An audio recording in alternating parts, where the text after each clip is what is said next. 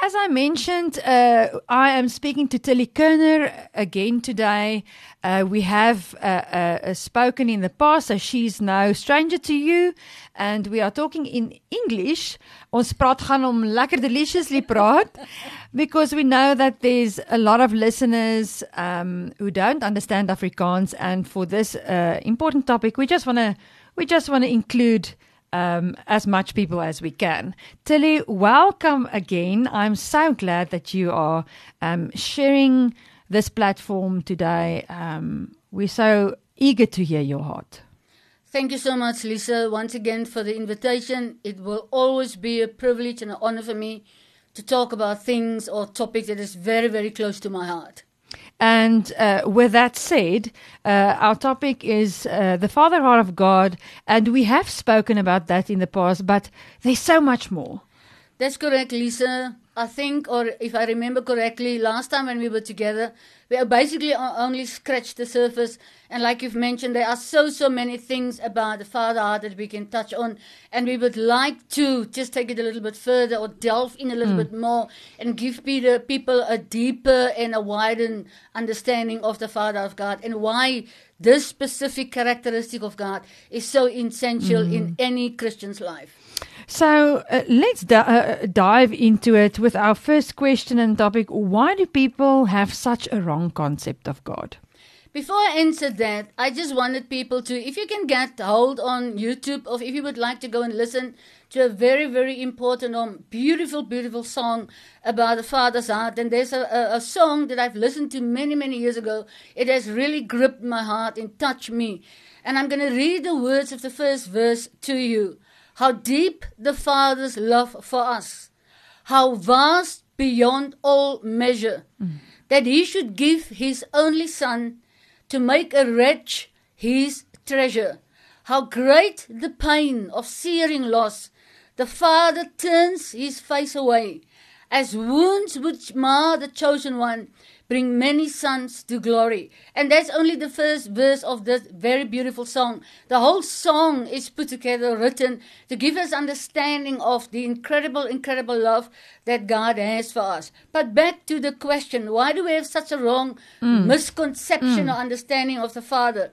Many of us, whether we are Christian or not, it doesn't matter which religion we belong to. There come a time in all of our lives that we ponder this question who is God and what is He like? And so, and for many people, we think of God as some force, powerful force somewhere up there in heaven, wherever heaven is, and uh, He's impersonal. He doesn't know my name. He do not care about me. He's just a far distant God. And uh, uh, I remember a picture that I had when I was a young kid was asking my, my uncle, he was a pastor, about God. And he asked me, so who do you think, how do you think God looks? And my picture of God was this old, old man with a stick in his hand, with a grey beard, and he's just sitting there and glaring down from heaven to earth, and he's just waiting for me to make one mistake and almost like, got you. Mm. That's how I felt about about God then. But why, where did that come from? Why would you have a picture like that? I think one of the reasons is the way that God is uh, uh, depicted in mm. in preachings or in sermons in, in, in on a Sunday morning or even just in the way that people talk about it. I think people grew up, we all, I grew up in a setting about that you had to have this utter holy reverence mm, mm. for God. And I think it's even down in my notes. One of the things that I, I felt was that I grew up in a church where there was, there was no place for smiling in church. There was no place for even a good laughter in church.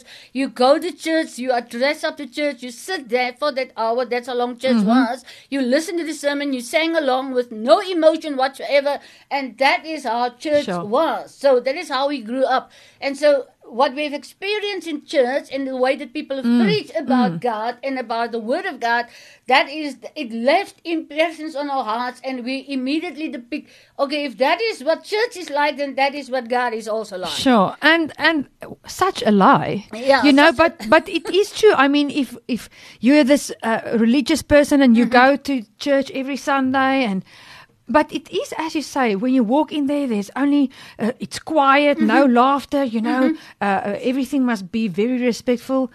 then then you you are bound to have a, a, a wrong perception Yes. of God. Not that he is your, uh, nie jou buddy nie. Exactly. But the point is, he's Yeah. also not far away. Yes, yes. And uh, when when you study the scripture, then and and you get the scripture like in Zephaniah. Uh, 3 verse 17 when the prophet is talking about god about dancing and singing Mm. about me then i was utterly confused because what i understood or my how i grew up with god and what the scriptures were saying about it didn't line up with one another. But there's only there's only one one reason why we have such a misconception wrong picture of who god is. Another thing that impact us mightily is is the fact how we grew up in our own homes. Yeah. so uh, and it doesn't uh, first of all is my relationship with my earthly father. So that impact us a lot as children Yes. the way that our parents treated us and it's mom and dad it's not just the dad No, for we sure. sometimes forget be- uh, when I think about God, many times we think about God, He's just a father. But sometimes when we look at scripture, we forget that God is also portrayed as a mother. Yes. His, his, his features and the things like, like he had. I mean, he's portrayed, Jesus described his father as a hen with chickens underneath him. That's what a mother do. That's what a mother hen do. And so when I think about how we grew, I don't just want to talk about how our dads have impacted our lives as Christian. Or it doesn't. We didn't even have to be Christians in the view that we have mm. about God, mm. but also even our parents. That's our moms. Everybody involved. So it's our parents. It's them. So if I didn't experience much love, if I didn't experience much acceptance, where I mm. make hundreds of mistakes at home, that picture is written on the tablets of my heart. I immediately portray that that is who God Yeah. is. Uh, um, years ago, I worked in, in, in England, and I'm going to try to, to bring in some experiences from my own life and how I've journeyed with God on, on this specific uh, topic. Uh, uh, I was in Youth With A Mission for many, many years, and uh, the way that I grew up, of the way that I uh, perceived leadership, is that leaders are supposed to be there that keep you uh, uh, on, on a lead that uh, uh, hulle moet so vashou so you do not dare making a mistake. You need to be on time. You can never be late. Everything they ask you you need to do it on time etc etc etc uh, uh, no excuses nothing whatsoever. So that is it. Da, da, da, da, da. I expect you to do this. You're supposed to do it. If you do not do it then you're just not good. So that's what leadership was for me. Sure. uh, uh, uh, uh, we grew up in a situation where you know when you have a roster and you have to time check you have to Yes. yeah and uh, when you go out again and all of that is basically based on mistrust. Because if, if we trust people but then of course people have to be trustworthy but if we trust people we would never expect people to do that. We'd never ask you where were you? Where are you going? What did you do yesterday? You know? Yeah. it would never be like that. So here am i i went to england and i gone and worked there for two years at a total different place. And in my heart, I didn't even know why it happened, but I just wanted to have another experience of leadership. I just wanted to get away from South Africa also. The, the South African picture of leadership and authority and authoritative leadership, it skewed my uh, my view and, and, and picture of God totally Sure. to the wrong side, the negative side of God. So and I end up in, Eng- in England, and I had to go once a month down to the uh, uh, uh, to to the doctor just for a checkup, and I get some tablets and things like that of medicine. I remember I went there and I got back, and uh, uh, uh, went immediately to my leader. And uh, I said, I said to him, I just wanted you to know, on, on Tuesday mornings, once a month, this is where I'm going to be. Da da da da da, and give him a very very long, Long. explanation of what I'm doing with my with. If you don't see Yeah. me, that's there. It's not that I just went away. Of I was lazy anyway. He looked at me utterly shocked. He, he he said to me, he said to me, Tillie, why are you explaining to me where you go and what Yeah. you're supposed to do? I said, well, am I not supposed to? He says, no, no, no. Number one, we are colleagues. He said to Yeah. me. Number one, number two, he says, and I trust you. Anyway, you are accountable to God for what you do with your time. Yeah. If you waste it, it's between you and God. I'm not here to keep an eye on you. That's Sure. not my duty as a leader. It set me free. I felt like a bird. I could fly high. Wow. Because if, if, if, if you're in that kind of, of, of, of a leadership, if in that kind of relationship, there are no guilty feelings. You, Exactly. you never feel Yeah. guilty. Even if you go out for ice cream, You will not feel bad about it because you know that the leader trusts me wholeheartedly and I can go wherever I wanted to go as long as I just know I'm not wasted anybody's time.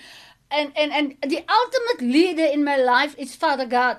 And uh, uh, then I realized, but I can go for an ice cream and it's okay with Yeah. my leader. Yeah. I can go to the library and go and read a book. It's okay with my leader. It's okay with God. And you you see the the pro- yeah I I can just imagine that uh, freedom that you felt because I think we are um we sometimes we grow up in a house or in a situation or a leadership group where it's like performance driven. Nee, so hoe onthou jy kan nou nie 'n voetjie verkeerd sit nie and that puts so much pressure on a person Yes. and it takes away the the the joy. The ultimate joy. Yeah.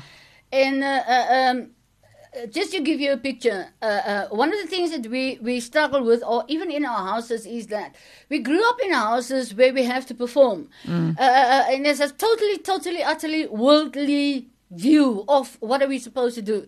So we, we grew up that we're supposed to perform. So wh- whether I write a test, uh, the first thing is how did you do? Uh, uh, the- Yeah. the- it's not us, how are you? How are you as a person? Yeah. The first thing our peop- our family wants to know is how do you do? Yeah. And if you and if you didn't do well in the test, then you are just immediately assumed that you're this bad student or this bad. Why can't you behave?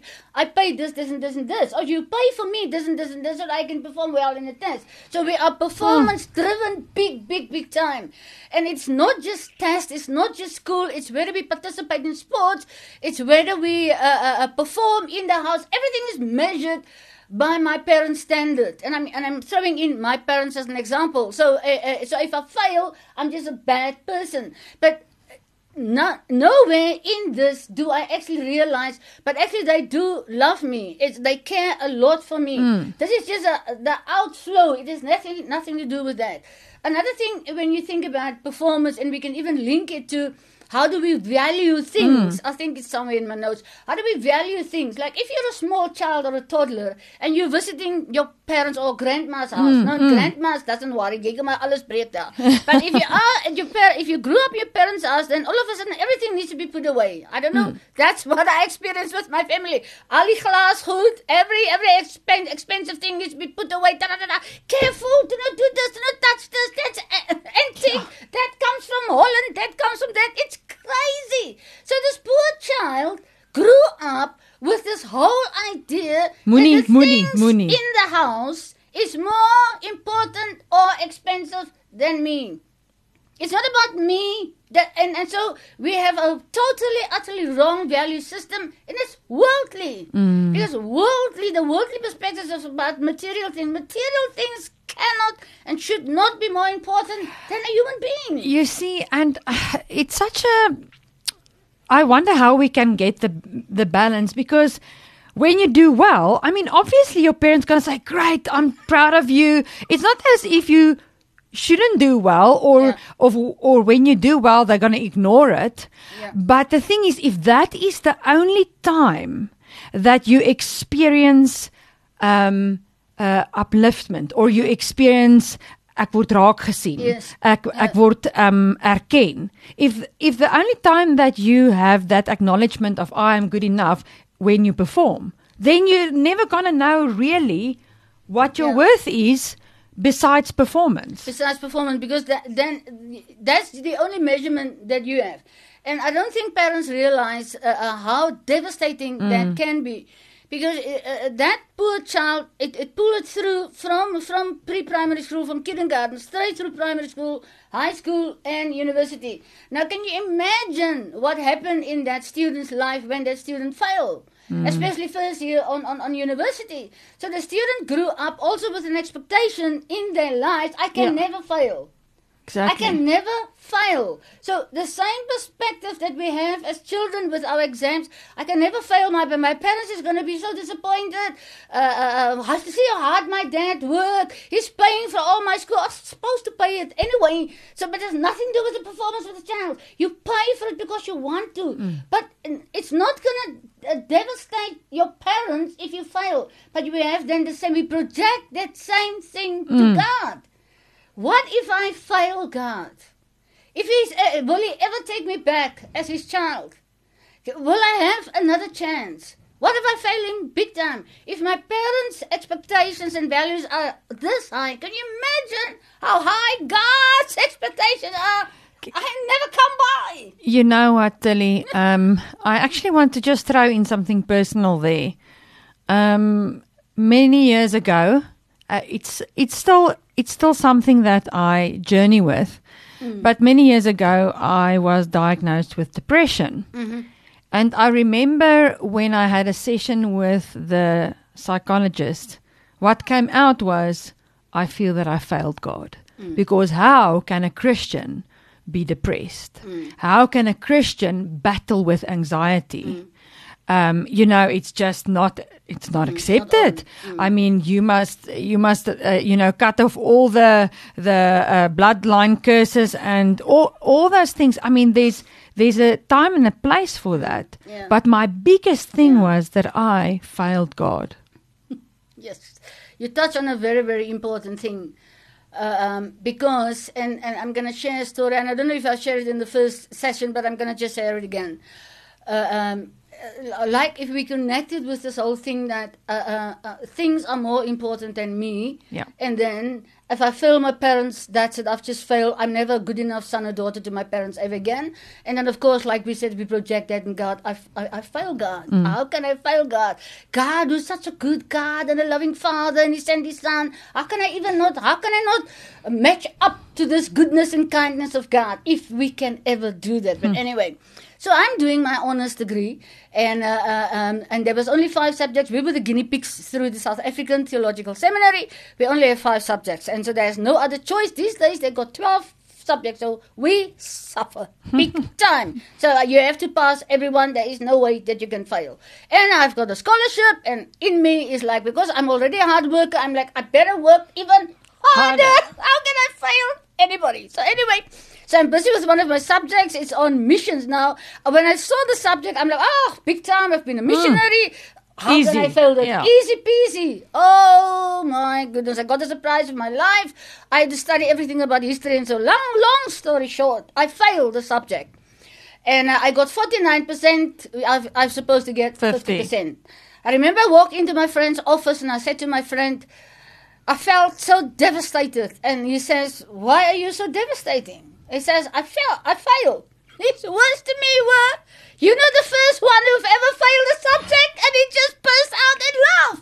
I'm like, You're supposed to have sympathy with me. He says, I've, that's why, Tillie. It's, you know, there's nothing different. It's okay. You're not this uniquely superhuman being who can never fail a subject. Who has ever told you that I'm not supposed to fail? Wow, where do you get that? It's a total wrong worldview. And he said to me, it's sin. okay. and he says to me, his words to me was, you better go to God. Because, and he said to me, it's not a subject. It's your relationship with the Lord.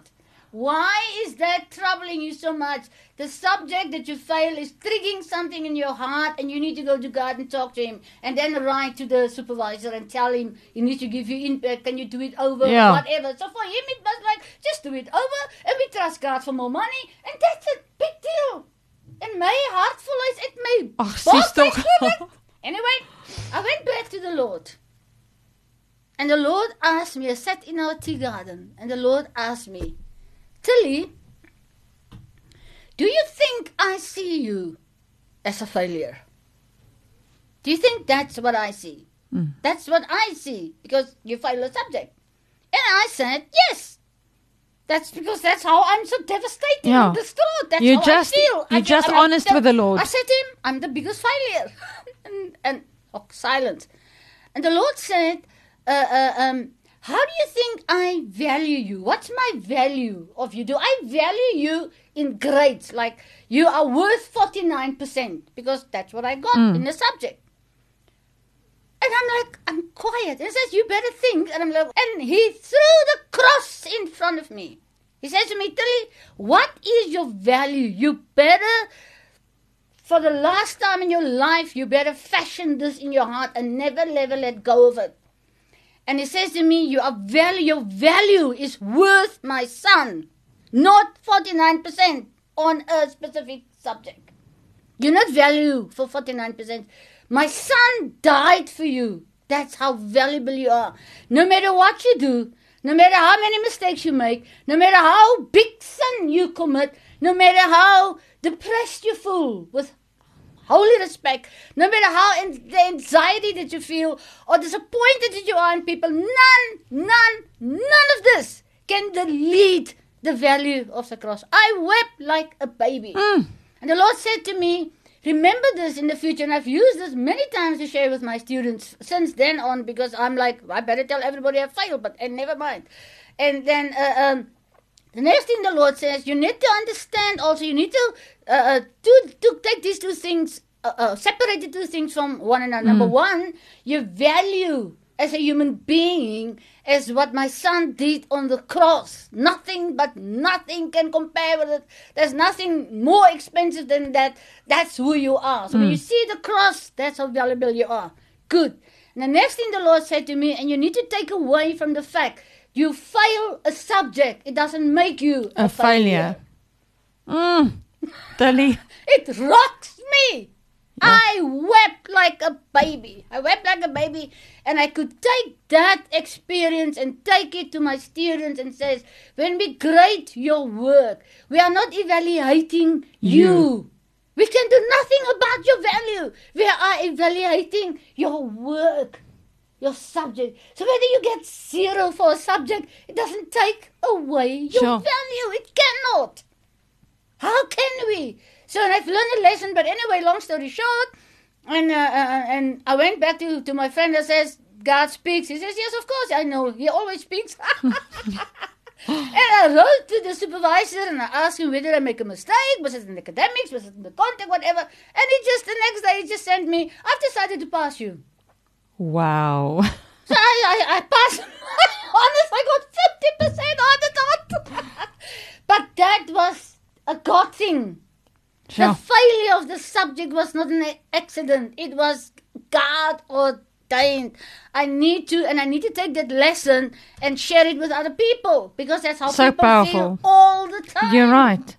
And I mean, that was such a personal, intimate experience that the Lord solidify the truth in your heart.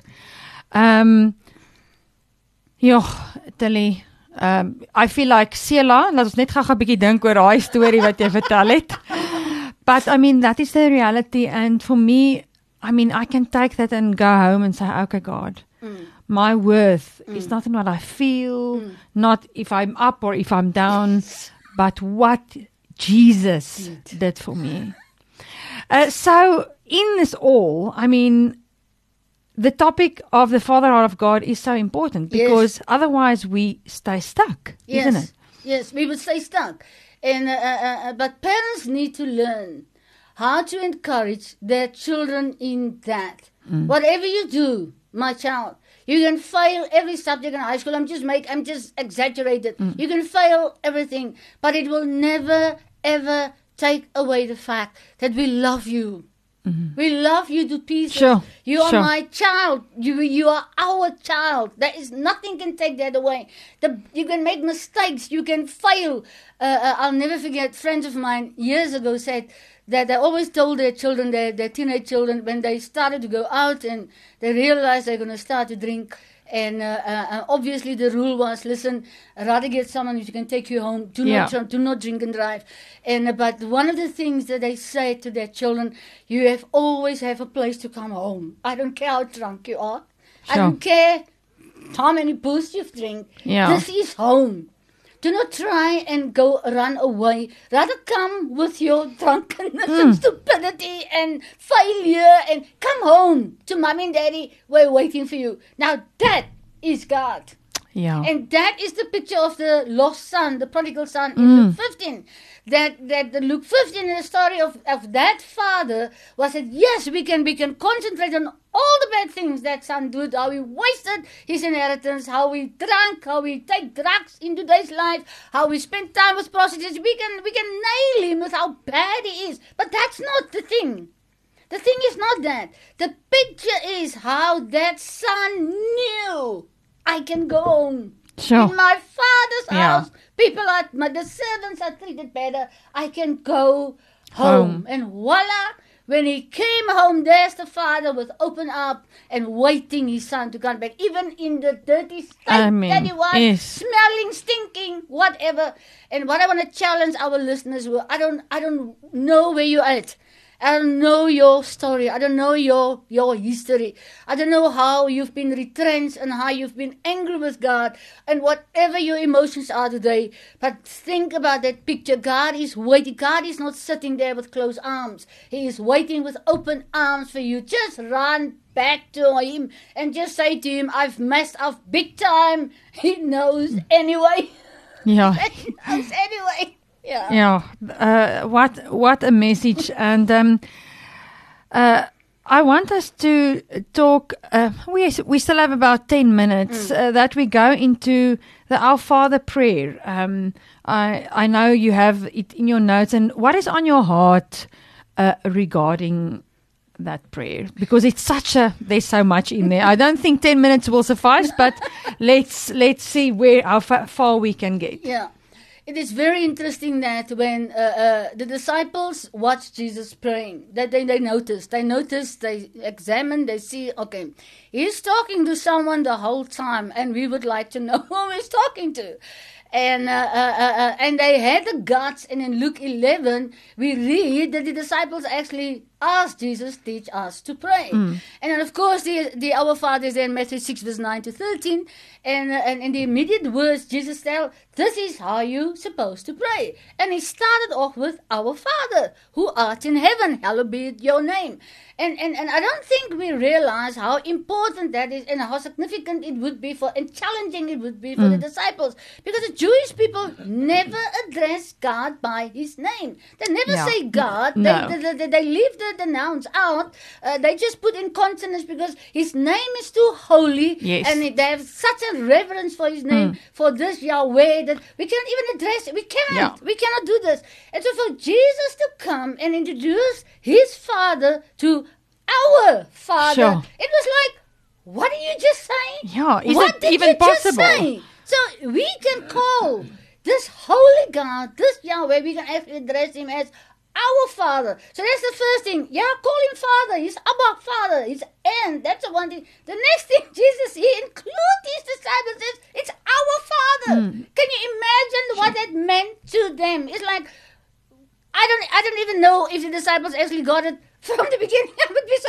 confused. I was like, Well, I've never called him like that. What do you mean I can actually talk to him as a father like I'm supposed to talk Sure. with my earthly fathers? No. We grew up in an era, nog still in the apartheid era, where you would not address elderly people by name. It's a Hmm. no-no.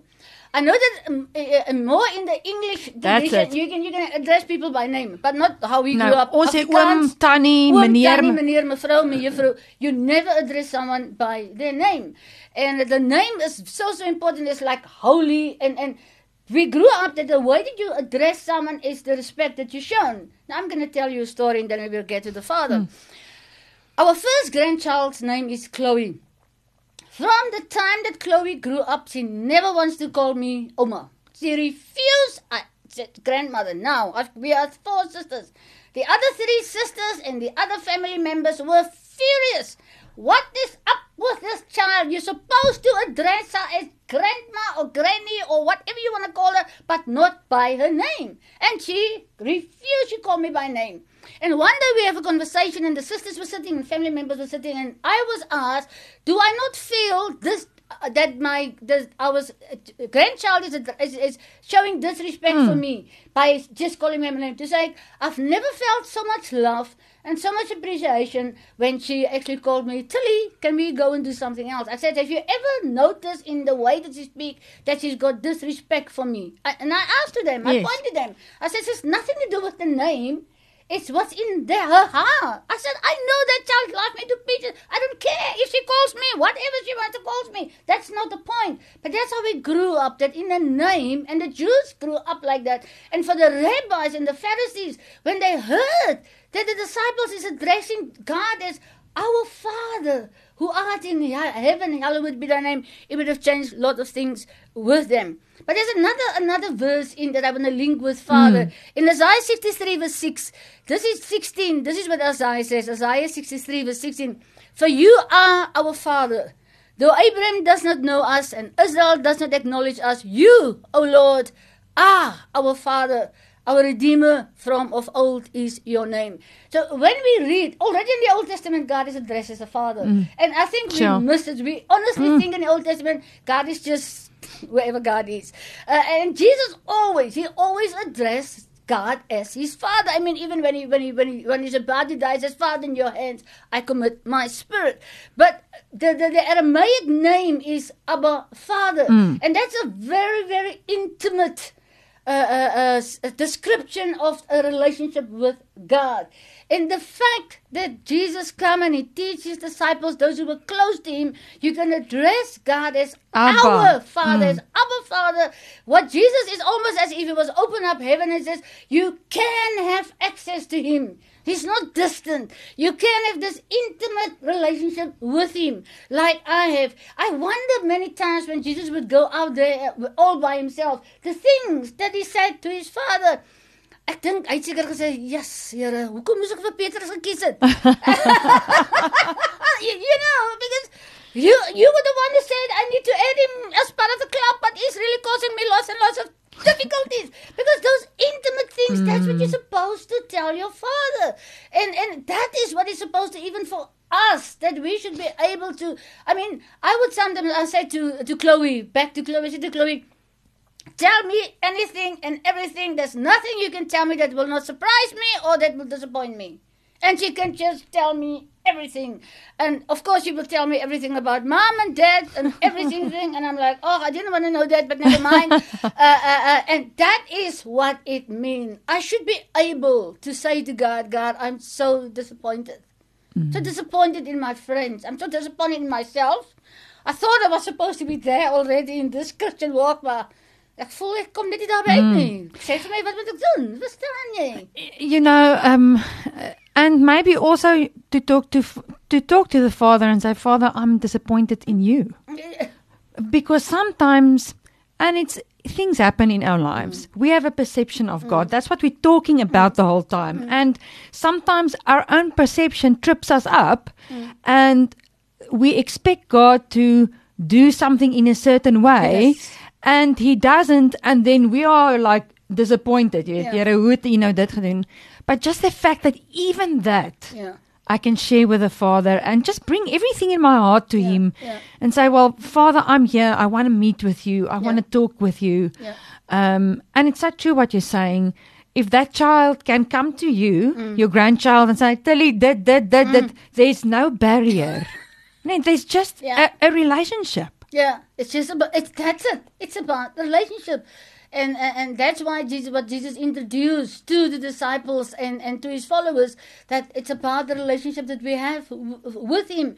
That's why the prodigal son could run back to the father. And if you read the story of the prodigal son in Luke 15, there is no pointing of finger. Hmm. How dare you? How could you? You mess up big time the money. You see, it's hmm. not about the money. It's about you and me. It's your son. Are hmm. home. And the father is celebrating. My son is alive. I, he never asks, Oh, I've heard how you dance and how you party and how you spend time with. But none of that is that. The only thing the father says, Oh, we're going to put a new robe on you. Oh, we're going to have a braai. Yes, it's braai. And we're going to dance and we're going to dance sokkie and whatever the case may be. It's all. My son is home. Sure. If we can just remember that that's what matters to God. What matters to God is that we come home. I mean. But the problem with us is that we run away from Because Him. of guilty feelings. Because of guilty feelings. But He knows how I feel. He knows my problem ek voel. you know what, Tillie? Um, our time has uh, quickly come to an end tonight, but I'm so glad for our listeners that uh, we are carrying on with this topic uh, next week because there's just so much. As we said at the beginning of air, we can talk a whole year about this topic. Yes. But sometimes it's necessary for us to hear something again and again and again so that it can sit in our heart and become something that's real for us. So I just want to say thank you for your heart. Thank you for sharing with, with so much passion and uh, in humor. um, we really appreciate you.